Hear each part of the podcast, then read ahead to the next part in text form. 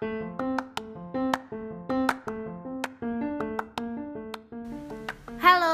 welcome back to Senciping. Senin bersama Cia dan Aping.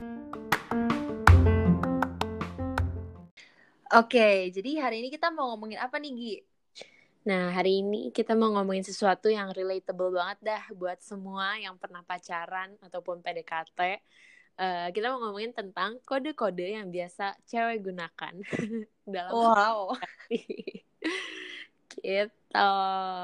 Iya tapi terlebih dari kode-kodenya doang kita juga mau ngebahas nih kenapa sih cewek tuh sering banget pakai kode dan um, lebih prone untuk ngode ke pasangannya dan kenapa seharusnya kita nggak pakai kode gitu ya? Hmm betul betul tapi um, pertama-tama mungkin kita mulai dari personal experience dulu kita mulai dari yang lebih berpengalaman nih Anggi kode apa sih yang biasa lu pakai kalau lagi dating atau lagi PDKT gitu? Eh, uh, jadi to be honest, gue tuh sering banget sih pakai kode-kode gitu dulu waktu pacaran ya. Eh, uh, maksudnya udah lama sih kayak uh, the three musketeers lah. Terserah, aku nggak apa-apa kok sama have fun ya. Sumpah itu kayak tiga jurus pamungkas. uh, kayak sering banget ngomong yang kayak gitu. Jadi misalkan lagi berantem terus kayak udah capek gue kayak langsung aja ngomong terserah lah terserah kamu mau apa gitu padahal uh, dalam hati ya nggak mungkin terserah lah pasti ada yang gue pingin kan um, sampai berantem gitu terus yang kedua itu yang aku nggak apa-apa kok itu gue rasa semua orang sering banget deh pakai. Kayak sebenarnya lo kenapa-napa tapi lo bilangnya nggak apa-apa gitu. Kayak tanya nih e, kamu kenapa sayang? Kok kayaknya beda hari ini?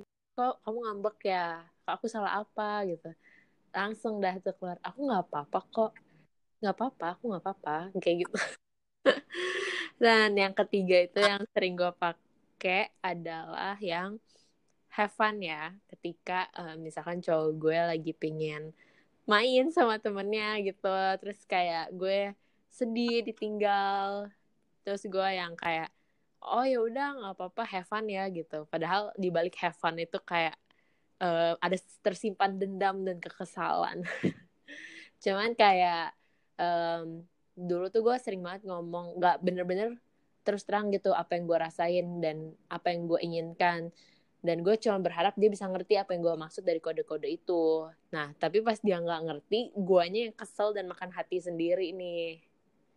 Gitu sih Ca. hmm sangat relatable sangat relatable. Gue juga sih apalagi nggak apa-apa. Itu tuh wah itu kayak sehari gue nggak ngomong nggak apa-apa tuh aneh rasanya kayak nggak afdol gitu. Gue bahkan tuh nggak cuma sekadar kode kayak awalnya tuh gue cuma buat bercandaan aja gitu.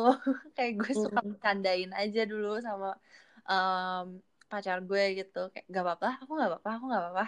Tapi lama-lama tuh ya jadi cowok gue juga capek juga ya kalau gue pikir-pikir sekarang. Jadi lama-lama malah uh, kira berantem nggak apa-apanya makin kenceng kayak ya udah aku nggak apa-apa. Apa sih? Aku udah bilang nggak apa-apa ya nggak apa-apa. Tapi nggak mau kan sambil ngamuk gitu gue juga bingung ya sama diri gue sendiri kalau gue pikir-pikir lagi goblok.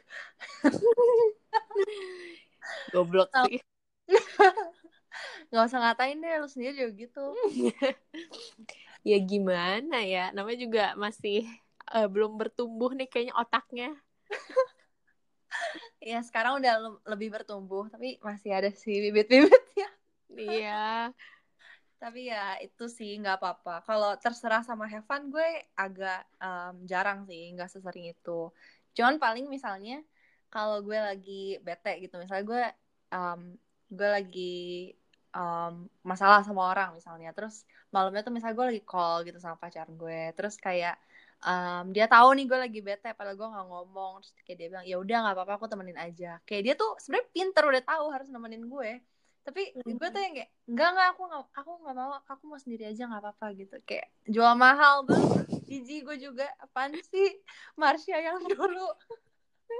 Terus tetep kan apa pinter dia tuh kayak nggak apa-apa aku di sini aja temenin kamu kita ngomongin yang lain gitu. Tapi gue push him away mulu bukannya cerita. Gak tau lah 10 20 kali kali kayak setengah jam habis cuman buat gitu doang. Sampai akhirnya cowok gue tuh nyerah terus kayak kesel sendiri terus dia matiin callnya. Terus pas callnya mati gue malah kok dia ninggalin gue terus gue nangis. Terus kayak "Ah, apa sih? Goblok. Goblok partu. Bodoh. Cowok apa mantan nih? Hmm. Hmm, kebetulan jomblo sekarang. Maaf ya mantan Menyedihkan. karena aku kuat kok sendiri beneran sendiri nggak butuh siapa-siapa yang temenin asik Oh gitu ya, bener ya. bener lah kenapa enggak Oke, sip sip. Nah, eh, selain kode yang udah kita eh, sebutin nih, ah, terserah, nggak apa-apa, sama have fun. Ada juga nih beberapa kode lain yang gue yakin pernah lah pasti kita ucapkan, entah untuk apa gitu. Salah entah satu- untuk apa bener-bener gak tahu dah buat apa gitu cuma memicu pertengkaran. Misalkan ya kayak eh, aku cantik gak atau enggak aku gendutan ya? Jadi kayak apa ya kita memancing-mancing mereka untuk eh, mengomentari fisik kita gitu. Kayak kita pingin ngetes gitu kesannya. Ya gak sih? Sebenarnya lebih ke pengen dipuji aja gak sih? Kayak kalau di, kalau ditanya ah, aku lagi jelek nih hari ini kayak peng- lu pengen kan dibilang enggak enggak kamu cantik banget hari ini lebih cantik dari kemarin. Ah. kalau nggak bisa lu mancing ah, aku gendutan nih kayaknya. Enggak sayang kamu kurusan malah. Wah. Biarpun itu bohong tapi lu suka kan denger yang bohong-bohong? Suka sih tapi bener-bener kayak apa ya kayak kalau kan gak semua cowok tuh ngerti ya kita mau apa. Jadi kayak kalau misalnya mereka sampai jawabnya "Eh, iya deh kayak gendutan itu langsung wah gila perang dunia ketiga sumpah. Memang ada ya laki-laki polos yang seperti itu tetap ada lah ada pasti Tetep. yakin. Apalagi kayak misalnya misalnya gue juga dulu begini sih kayak eh misalnya lagi bareng terus gue lagi scroll Instagram explore gitu terus kayak ada kan Instagram orang cewek lain yang cantik gitu Em, kayak gue pengen ya balik lagi kayak lu tadi lu ngetes gitu. Kayak ih cantik banget ya cantik banget. Lebih cantik daripada aku gitu. Kan lu pasti pengennya lu dibilang enggak kamu lebih cantik sayang. Tapi ada aja orang-orang yang sepolos itu yang bilang iya ya cantik banget ya dia. Wah. Iya kesel banget. Rasanya tuh hati lu kayak oh jadi lebih cantik dari aku aduh gue kayak nggak kebayang banget muka cowoknya gitu loh yang kayak Hah? Eh, perasaan lu tadi duluan nanya dan eh we- apa kayak kalau nanya dia cantik gak ya? Dia cantik kan? gitu. Kayak leading banget kan. Jadi kayak pas gue jawab iya kok lu yang marah? gitu. Ah, iya makanya disclaimer gue sekarang udah nggak begitu kok. Gue merasa goblok banget kayak goblok goblok sih. Cuman eh, kayak paham banget lah itu pasti banyak yang ngerasa eh, insecure dan kayak relate banget bahwa kayak lo pingin memastikan seberapa besar sih eh, rasa sayang cowok lo atau enggak seberapa cantik sih sebenarnya gue di mata lo atau eh, ada nggak sih cewek lain yang ternyata lebih cantik dari gue di pandangan lo gitu benar-benar itu semua timbul karena em, kita merasa insecure dan inferior mungkin ya Mm-mm, mungkin. Nah, ada juga nih eh, yang lain kayak misalkan eh, gue sih personally gue nggak pernah kayak gini sama sekali nggak pernah. Maksudnya pun pernah itu bukan dengan tujuan untuk si cowok beliin gue sesuatu. Jadi kayak orang sering bilang eh, yang ini bagus ya atau enggak kayak iya ini lucu deh kayak pingin deh kayak gitu. Nah katanya sih ini kayak kode-kode biar dibeliin gitu. Hmm, iya sih, teman-teman gue juga banyak yang kayak begitu, kayak kode. eh, misalnya kalau lagi jalan bareng, terus masuk ke toko, terus kayak, iya yang ini bagus ya, kayak kayak bagus deh di aku. Kalau nggak eh, dari all shop Instagram di screenshot terus dikasih ke cowoknya kayak ini kayak bagus deh, terus tahu-tahu dapet paket besokannya. Harapannya sih begitu, tapi gue nggak pernah sih begitu. jujur gue juga gak pernah woy kayak gue nggak gue paling nggak suka sih kayak ngutang atau dibeliin sesuatu yang apa ya kayak kalau gue bisa beli sendiri ya udah gue aja sendiri kalaupun gue bilang kayak eh ini lucu banget ya itu biasa kayak untuk nanya pendapat gitu loh Hmm, we are strong, independent women. ya tapi bukan berarti yang kayak gitu Oh iya, maaf ya, maaf. salah juga atau gimana ya cuman kita kan semua berbeda jadi ya ini beberapa kode-kode yang sering dipakai. Oh ya ada satu lagi. Biasa kayak udah capek berantem nih uh, uh, abis berantem terus kayak udah males ngomong ngomongnya aku capek. Aku capek mas. Aneh banget aku capek. Gue gak pernah ngomong aku capek. Gue selalu bersemangat kalau berantem. Sumpah demi apa? Emang lu pernah kayak kan seru gila lagi berantem. Terus kok lu tiba-tiba kayak ih aku capek udahlah gitu. Emang lu pernah gitu? ya pernah lah. Lu aneh banget sih kayak ya berantem lu bener. nggak kok berantem lu nggak kelar dong Gi. Kayak udah tiba-tiba aku capek terus besokannya lanjut lagi. Nah iya makanya itu nggak bagus kan? Kayak oh. lu bener kayak uh, gue kan orang yang nggak nyaman banget sama confrontation sama konflik sama berantem. Gue tuh bener nggak nyaman seenggak nyaman itu ya lu udah lu tau sendiri lah ya. Lu salah satu witness gue yang paling uh, akurat lah kalau ketika konflik tuh gue menghindar gitu ya. Ya Gitu. betul. Berbeda dengan aku. Nah iya gue tuh sangat membenci konflik. Jadi ketika berantem dan gue kayak bener-bener aduh gue udah nggak bisa lagi ya udah gue kayak ngomong aku capek Uh, udah dulu ya gitu atau enggak aku capek ya udah kayak diomongin besok aja apa gimana gitu Oh iya, iya bisa juga sih. Cuman kalau gue pandangannya tuh kayak ya udah kalau yang bisa dikelarin sekarang ya sekarang aja. Gue nggak mau masalah tuh berlarut-larut. Gue paling males kalau larut-larut masalah gitu loh. Jadi kalau memang bisa diselesaikan saat itu juga, ya udah diselesaikan aja gitu. hmm I see I see kita memang orang yang berbeda sih Makanya kita temenan. Asik. oh, it's opposites attract ya Kenapa sih sama lu? Mana yang opposite gue yang pacar gue seharusnya?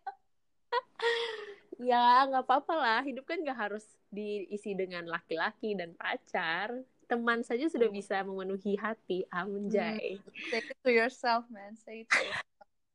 kalau gitu sih kenapa sih oke sebelum kita mengasihani diri kita lebih lagi, mendingan kita lanjut ke topik selanjutnya. Nah, kalau nih Kenapa sih lu kalau ngomong sama pasangan lu tuh harus pakai kode gitu? Kenapa nggak langsung aja lu ngomongin gitu? Hmm. Sebenarnya gue juga nggak tahu ya, gue juga bingung banget eh, kenapa gue bisa, eh, kenapa kita cewek-cewek tuh ngomong pakai kode. Tapi kalau gue sendiri nih, gue ngerasa kayak karena gue em, seperti yang gue bilang tadi, gue takut dengan konflik dan confrontation. Jadi gue juga takut nih nge-confront seseorang dengan perasaan sejujurnya gue. Kayak gue takut em, apa ya kayak outcome outcome apa yang akan gue dapatkan kalau gue jujur, kalau gue um, be true to myself dan apa yang gue rasain gitulah. Nah dan gue juga seneng gitu loh ketika uh, gue ngekode dan dia nangkep kayak dia ngerti perasaan gue pas gue kodein. Tapi sumpah sih kayak sekarang gue belajar kayak it's not a good thing dan gue kayak gak mau pakai kode-kode lagi. Karena gue juga ngerasain gimana sih uh, rasanya ngomong sama orang yang pakai kode yang kayak nggak jelas maunya apa dan gue harus gali-gali sendiri. Kayak itu nggak enak banget kayak harus nebak-nebak gitu. Hmm, kalau lu sendiri? Kalau gue, um, gue kalau asal alasan yang bercandanya sebenarnya gue suka aja sih bercandain mantan gue kayak aku nggak apa-apa, aku nggak apa-apa gitu. Walaupun kadang-kadang kelewatan dan akhirnya berakhir berantem sih. Tapi kayak bercandainnya lucu aja gitu, seru aja bercandain dia. Biarpun dia nggak merasa itu lucu. Tapi buat gue itu lucu. On a more serious note, um, sedikit sama kayak Anggi, ada rasa takut. Tapi kalau gue bukan takut dengan konfrontasi atau konflik, tapi kalau gue tuh takutnya karena overthinking gue sendiri. Gue takut, um, misalnya gue ngomong A, nanti dia mikir gini gini gini nggak ya? Atau kalau gue begini, nanti dia begitu nggak ya? Gitu. Jadi semua tuh kayak all in my head, yang akhirnya kayak ah udahlah nggak usah lah. Terus akhirnya gue um, nge-repress apa yang mau gue utarakan dan sering kali juga karena gue gengsi sih. Gue gue gengsi banget orangnya sumpah kayak gengsi banget buat ngomong apa pun duluan gitu. Kayak gue pengen dia tuh tahu sendiri gue pengen dia bisa tebak sendiri. Tapi ya sekarang gue tau lah nggak semua orang bisa hmm, bisa baca pikiran gue. Ya ya itu sekarang udah mulai dikurangin dan ya I learn my mistake Uh, tapi gue juga relatable, maksudnya gue re bisa relate banget sih yang masalah iseng. kayak iseng aja kadang tuh lagi adem-adem, harmonis, nggak ada apa-apa, tapi lo kayak bosen, terus lo memicu masalah lu sendiri gitu kayak dengan nanya misalkan aku gendutan ya, dia cantik gak sih? gitu, gitu kayak itu kan sebenarnya nggak penting banget gitu loh. Kayak cuma lu iseng aja kayak bego gitu dan jadinya berantem gitu. Bego lah. Gue gue nggak pernah sih iseng yang kayak aku gendutan ya aku cantik aku aku ngejelekan ah dia lebih cantik dari aku. Gue nggak pernah sih iseng kayak gitu karena gue tahu akan berujung gue yang sakit hati. Jadi gue prevent itu sebisa gue mungkin. Gue sering sih. Gue jujur yeah. aja ya. Ya itu lu yang goblok. Soalnya kayak gue tuh pingin um, kan gue insecure banget juga nih orang. Kenapa sih gue jelek banget sih? Kayak sifat-sifat gue udah gak takut konflik insecure kayak uh, ya maksudnya gue insecure nih jadi gue tuh pingin selalu memastikan gue yang paling cantik di mata lo. Gue gak mau kehilangan lo gitu. Hmm. just kayak caranya salah sih. Dan ya we learn every day Oke, okay, sebelum kita ngebego-begoin diri sendiri lagi, lanjut lagi ke topik selanjutnya. Kenapa sih cewek tuh kalau ngomong pakai kode atau um, kenapa cewek tuh lebih prone untuk pakai kode ketika berkomunikasi ke pasangannya? Um, Sebenarnya sih ini gue nggak tahu ya valid apa enggak. Cuman gue kayak pernah baca Nah, tapi gue lupa baca dari mana, seperti biasa, maafkan saya. Atau kayak gue belajar waktu kuliah gitu deh, um, di salah oh. satu school gue.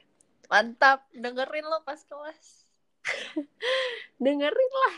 Ah, di situ tuh kayak dijelasin uh, bahwa sejak kecil itu ada perbedaan cara membesarkan laki-laki dan wanita, laki-laki dan perempuan. Bahwa perempuan itu biasanya dari dulu selalu dibilang uh, dan ditekankan harus lembut, harus menjaga tutur kata, harus sopan, nggak boleh terlalu vokal, nggak boleh terlalu apa ya, express yourself gitu dan ya ini in, menjadi salah satu alasan kenapa kita kayak jadi nge-repress apa yang kita rasakan dan inginkan gitu loh. Nah, ini juga akhirnya ke manifestasi dalam hubungan interpersonal kita. Kita jadi nggak berani untuk terlalu jujur, untuk terlalu terus terang, untuk straightforward dengan perasaan kita sendiri dan apa yang kita mau. Maka ketika kita di repress apa yang mau kita sampaikan dan uh, kita nggak boleh terlalu vokal, kita mencari cara lain nih untuk nyampein keinginan, perasaan, um, apa pun yang kita pikirkan itu dengan lebih subtle, yaitu melalui kode-kode ini. Soalnya kan ya maksud gue pasti semua orang lumayan setuju sih menurut gue. Kayak emang cewek itu dibesarkan untuk lebih menjaga tingkah lakunya, sedangkan cowok itu lebih dibebasin. Kayak ya udah lu mau main apa aja boleh, lu mau lari-larian, lu mau ngomong apa aja. Dan apa pun itu kayak dibebaskan dan dimaklumkan dengan kata-kata ya udahlah emang biar biarin cowok emang anak cowok kayak gitu. Nah, tapi ketika anak cewek yang begitu tuh kayak nggak boleh gitu kayak ada standar-standar tertentu tertentu buat cewek gini gitu. Gini lagi. Gitu sih yang um, gue tahu. Kalau sendiri lo dulu pas kecil dibesarkan kayak begitu juga nggak kayak kamu harus gini gini gini jadi cewek gitu uh, gue sejujurnya nggak inget cuman uh, gue kan kayak lebih banyak dibesarin sendiri. Maksudnya gue nggak ada kayak perbandingan kakak cowok gue apa gimana gitu loh. Uh, ya maksudnya gue kayak lebih banyak dibesarin sendiri gitu. Nah cuman iya sih the, pas gue the earliest memory I have tentang ini ya bahwa gue sering kayak dibilang cewek nggak boleh kayak gitu. Ih um, ketawanya. Atau enggak gue sering lihat tuh ponakan gue kan ada yang cewek Nah, dia sering gitu kayak dikomenin, e, kamu ketawanya jangan heboh gitu dong, kamu jangan mainnya terlalu kasar, terlalu kayak dia apa ya, kayak dia tuh mainnya tuh um, kayak heboh gitu, kayak anak kecil yang heboh banget, uh, ponakan gue yang cewek ini pas kecil. Nah, gue ngeliat sendiri gimana uh, keluarga gue emang juga sama apa ya, kayak ada stereotip-stereotip tertentu lah buat cewek. Kayak uh, kenapa sih kamu cewek tapi nggak bisa lebih lembut tapi nggak bisa lebih halus gitu dan sebagainya. Dan gue saat itu belum ngerti lah ya bahwa itu salah bahwa itu sebenarnya nggak bagus buat perkembangan dia ke depannya. Cuman uh, setelah gue pikir-pikir lagi ya emang begitu biasanya keluarga membesarkan anak perempuan anak laki-laki which is menurut gue juga nggak bener sih dan uh, harus diperbaiki juga gitu. I see. Hmm. kalau lu uh, hmm. Mungkin gue mungkin gue bisa relate ke ponakan lu yang cewek. Karena gue dulu bandel banget lebih bandel daripada cowok. Kayak aduh udahlah gue nggak bisa jelaskan di sini karena ini terlalu terlalu apa ya terlalu menjelaskan diri gue sendiri. Tapi ya tapi dia tuh gue bandel banget yang kayak bener-bener pulang tuh pasti ada aja berantem sama orang kalau nggak jatuh lah kalau nggak luka benjol kayak ya segitunya lah. Hmm. lebih bandel dari cowok. Jadi uh, orang tua gue tuh bukan yang uh, orang tua gue dan kakek nenek gue karena dulu gue juga digedein sama kakek nenek gue. Mereka tuh um, bukan yang kayak stereotipin gue harus begini gini, gini sebagai cewek gitu sih. Mereka lebih menghumanize gue kayaknya karena gue terlalu liar mungkin ya. Kayak mereka tuh kayak aduh jangan jangan gini gini banget lah jangan bandel bandel banget lah gitu. Jadi kayak gue sedikit di um, dijinakan mungkin. Tapi ada sih beberapa yang kayak kamu kalau jadi cewek tuh harus begini harus begitu. Tapi um, ya itu baik lagi karena gue bandel gue nggak dengerin. Tapi tapi um, dari apa yang gue inget um, untungnya orang tua gue nggak terlalu menstereotipkan gue harus begini begini begini sebagai cewek gitu. Kayak mereka tetap menjunjung kayak um, kebebasan dalam berekspresi juga sih. Kayak ya udah kalau kamu merasa mau begini-begini dan kamu merasa itu benar ya udah nggak apa-apa. Asalkan dengan tetap de tetap dengan ada batas-batas etika dan norma-normanya juga gitu. Hmm, sih sih. Iya sih, kayak um, gimana ya? Emang ini sebuah budaya yang mungkin gak semua keluarga kayak gitu, cuman ada patternnya lah bahwa mostly cewek dan cowok tuh dibedakan cara perlakuannya gitu kayak ponakan cowok gue dan ponakan cewek gue dua-duanya berisik nih tapi itu yang lebih kena marah tuh yang cewek karena kayak kamu kan cewek seharusnya lebih apa sih lebih lembut lagi dong jangan sampai kayak ketawa kayak terlalu berisik atau kayak mainnya teriak-teriak gitu loh Hmm, iya sih. Dulu gue juga sering sih. Misalnya gue dulu gue main sama sepupu gue gitu ya. Sepupu hmm. gue kebanyakan cowok gitu kan. Hmm. Terus uh, sepupu gue yang nangis bukan gue yang nangis gue yang nakalin bikin dia nangis. Terus kayak gue yang dimarahin kayak kok kamu yang bikin dia nangis sih? Gimana hmm. sih ini? Selalu kamu yang bikin dia nangis. Mau juga kamu yang di yang nangis gitu-gitu. Jadi kayak loh kenapa aku harus yang nangis? Kayak gitu kan. Kadang gue mikir hmm. gitu tapi kayak mungkin itu um, low key udah terrepress value-nya dari um, generasi sebelum-sebelumnya kalau memang cewek itu yang lebih apa ya cewek tuh yang lebih prone untuk jadi yang lebih lemah dan yang lebih emotional mungkin ya. Hmm. begitu. Benar-benar. Sudah kita udah lumayan agak melenceng ya dari ngomongin cewek. Cuman menurut gue ini kita penting banget sih buat nge-address dari root cause-nya root problems-nya. Meskipun ya mungkin nggak semua um, kok kenapa cewek ngomong pakai kode nggak semua root cause-nya ini. Cuman kalau gue trace back sendiri sih gue juga kayaknya salah satunya hal uh, yang menyebabkan gue pakai kode sih itu betul karena kan sebelum kita bisa mengatasi sebuah masalah kita harus tahu dulu akar permasalahannya itu apa hmm. nah jadi karena kita udah tahu nih akar permasalahannya apa sekarang kita mau share nih kenapa sih kita harus mengurangi atau bahkan stop ngomong pakai kode hmm. kenapa Um, Oke, okay. first of all, yang pertama adalah laki-laki bukanlah pembaca pikiran. Jadi jangan expect dia tuh kayak superhero gitu yang punya kemampuan super baca pikiran orang. Ya dia juga manusia normal, kayak kita semua manusia biasa yang saling apa ya kayak gak bisa baca pikiran gitu. Nah uh, mungkin ada cowok-cowok yang udah bisa nangkep kode apa ya maksudnya kayak kalau cewek yang ngomong apa ini artinya apa gitu. Tapi itu juga karena dia udah belajar dari pengalaman-pengalaman uh, dating dia bertahun-tahun. Dan sayangnya nggak semua cowok bisa gitu kan. Dan nggak semua cowok dapat pengalaman yang sama outputnya sama juga gitu. Jadi ya uh, ya udah idealnya adalah kita bisa sama-sama komunikasi yang jelas satu sama lain. Karena uh, menurut gue lo refleksi diri ya, lagi aja sih kayak lo pasti frustasi kan. Kalau misalnya ada orang ngomong A tapi ternyata maunya B ke lo. Kayak dia maunya aku lap uh, aku nggak lapar tapi ternyata dia lapar gitu. Kayak nggak jelas banget kenapa lo ngomong yang kontradiksi sama apa yang lo mau. Nah jadi menurut gue uh, ya itu alasan pertamanya juga kenapa uh, kita nggak boleh ngomong pakai kode karena orang nggak bisa baca pikiran bro. Nah yang kedua adalah hubungan yang sehat. Healthy relationship itu dibangun dari healthy communication juga kayak salah satu kunci utama hubungan yang bagus itu selalu ditekanin adalah komunikasi.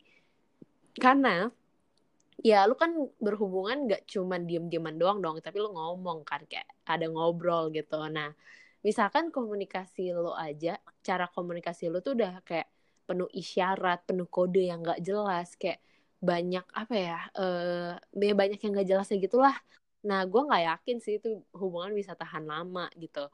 Karena ya buat lu bisa saling uh, sayang terus saling percaya saling mengerti menghargai satu sama lain ya itu salah satu kunci adalah komunikasi. Jadi menurut gue sih um, um, menurut kita sih kayak mendingan mulai belajar cara gimana ya biar gue bisa komunikasi dengan asertif. Gimana gue bisa mengkomunikasikan apa yang gue rasakan dan pikirkan tanpa menyakiti orang lain gitu. Dan gimana biar di dalam hubungan ini tuh kita bisa saling terbuka tanpa takut ada judgement apa-apa dari satu sama lain gitu.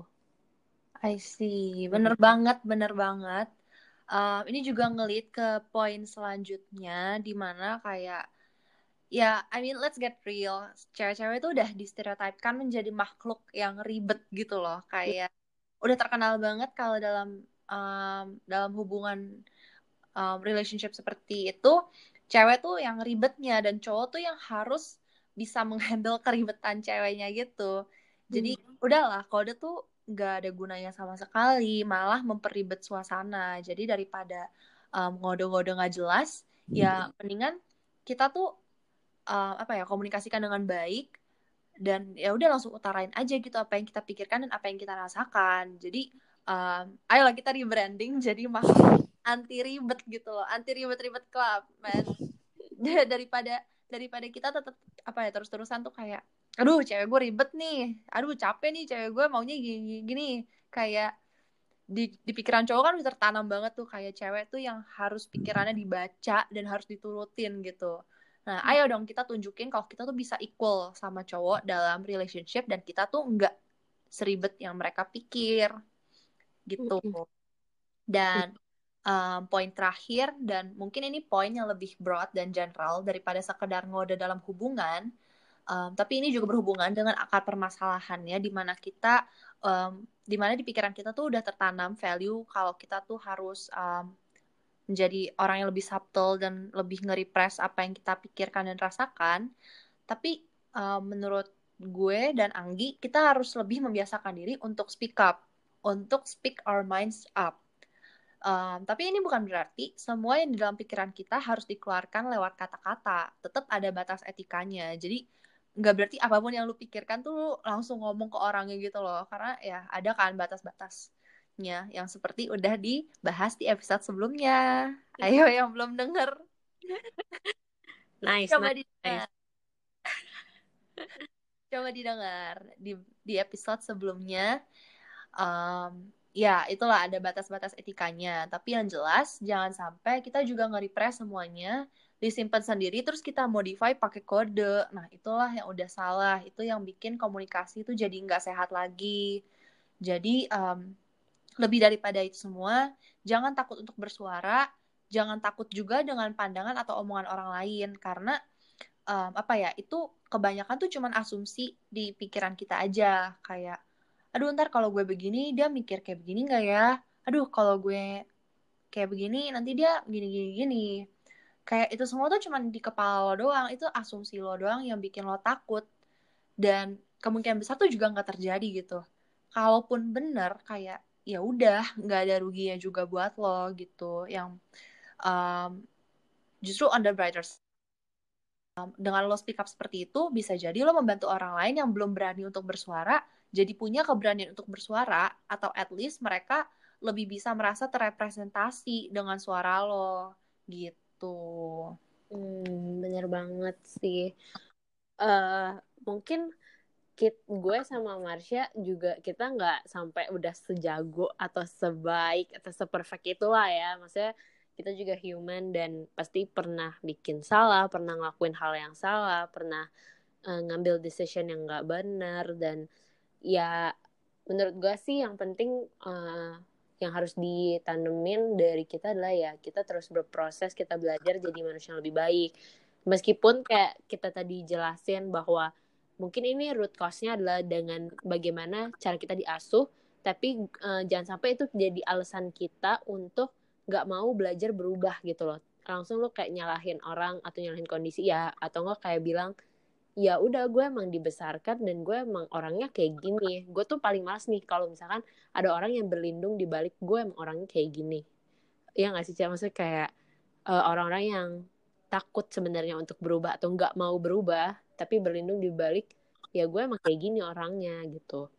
Kayaknya lebih ke mereka nggak mau berubah sih karena hmm. um, mostly yang gue lihat tuh orang-orang yang ngomong kayak gitu tuh orang yang um, full of themselves dan um, uh, self-centered dan merasa tuh mereka yang udah paling benar gitu dan mereka tuh um, nggak relate dengan orang-orang yang tidak seperti mereka gitu. Jadi ya kembali lagi itu pemikiran yang kurang tepat dan itu justru pemikiran yang menghambat kita untuk grow as a person. Jadi pemikiran-pemikiran um, seperti itu harusnya dirubah karena kita sebagai manusia itu kan terus berproses dan self growth itu a lifelong journey. Jadi kita nggak pernah berhenti belajar.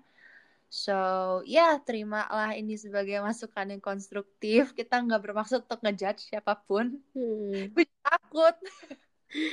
Iya, uh, benar-benar sebenarnya kita ngomong kayak gini bukan mau ngejudge atau kayak nge-call out anyone, uh, ya mungkin agak nge-call out sih, cuman uh, ini juga nge-call out diri kita gitu loh, kayak uh, kita masih banyak hal yang harus diperbaiki dalam menjalin hubungan, dalam berkomunikasi, dan gue rasa penting banget sih buat kita menyadari apa yang harus kita pelajari dulu, apa yang harus kita perbaiki dulu gitu, dibandingkan kita berlindung di comfort zone kita di attitude yang sama tapi akhirnya nggak bikin kita makin happy gitu. Betul betul. Karena balik lagi kita berdua juga sama-sama manusia kayak ya sama gue juga banyak overthinkingnya gue banyak jeleknya Anggi pun juga sama seperti yang tadi tadi kita udah sebutkan tapi ya balik lagi step pertama itu kan adalah kesadaran diri masing-masing kalau kita sadar oh iya ternyata gue begini ya orangnya um, ya diproses lah coba-coba dicoba sedikit demi sedikit berubah menjadi versi lebih baik dari kita. Marah nih yang dengernya.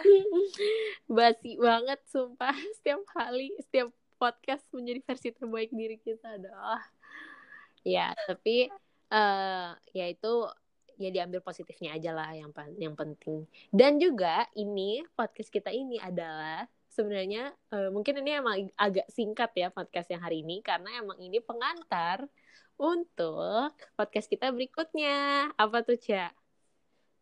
Drum roll. Kita akan membahas topik yang lumayan kontroversial, tapi uh, we think kita harus address ini karena ini um, lumayan banyak yang udah speak up, tapi masih kurang banget awarenessnya di um, kalangan umum yaitu tentang double standard. Iya. Sebenarnya um, ya kita kita berdua sadar kalau double standard itu nggak um, cuman tentang nggak um, cuman terhadap wanita tapi juga terhadap pria. Tapi karena kebetulan kita berdua adalah dua wanita jadi yang akan kita bahas um, adalah double standard dari sisi wanitanya dulu gitu. Jadi ya jangan jangan salah paham aja. Gue takut diserang apa enggak lah uh, salah satu bentuk double standard tuh yang tadi kita udah sebutin juga ya yang kayak cara cewek dan cowok dibesarkan kayak cewek harus kalem sedangkan cowok nggak apa-apa gitu Betul, betul. Akan kita bahas lebih lengkapnya di episode berikutnya. Jadi dengerin ya. Yes, ditunggu ya episode selanjutnya dan sekian untuk episode kali ini. Semoga ada pelajaran yang bisa diambil dari podcast kita kali ini. And happy Monday. Happy listening. Happy Monday.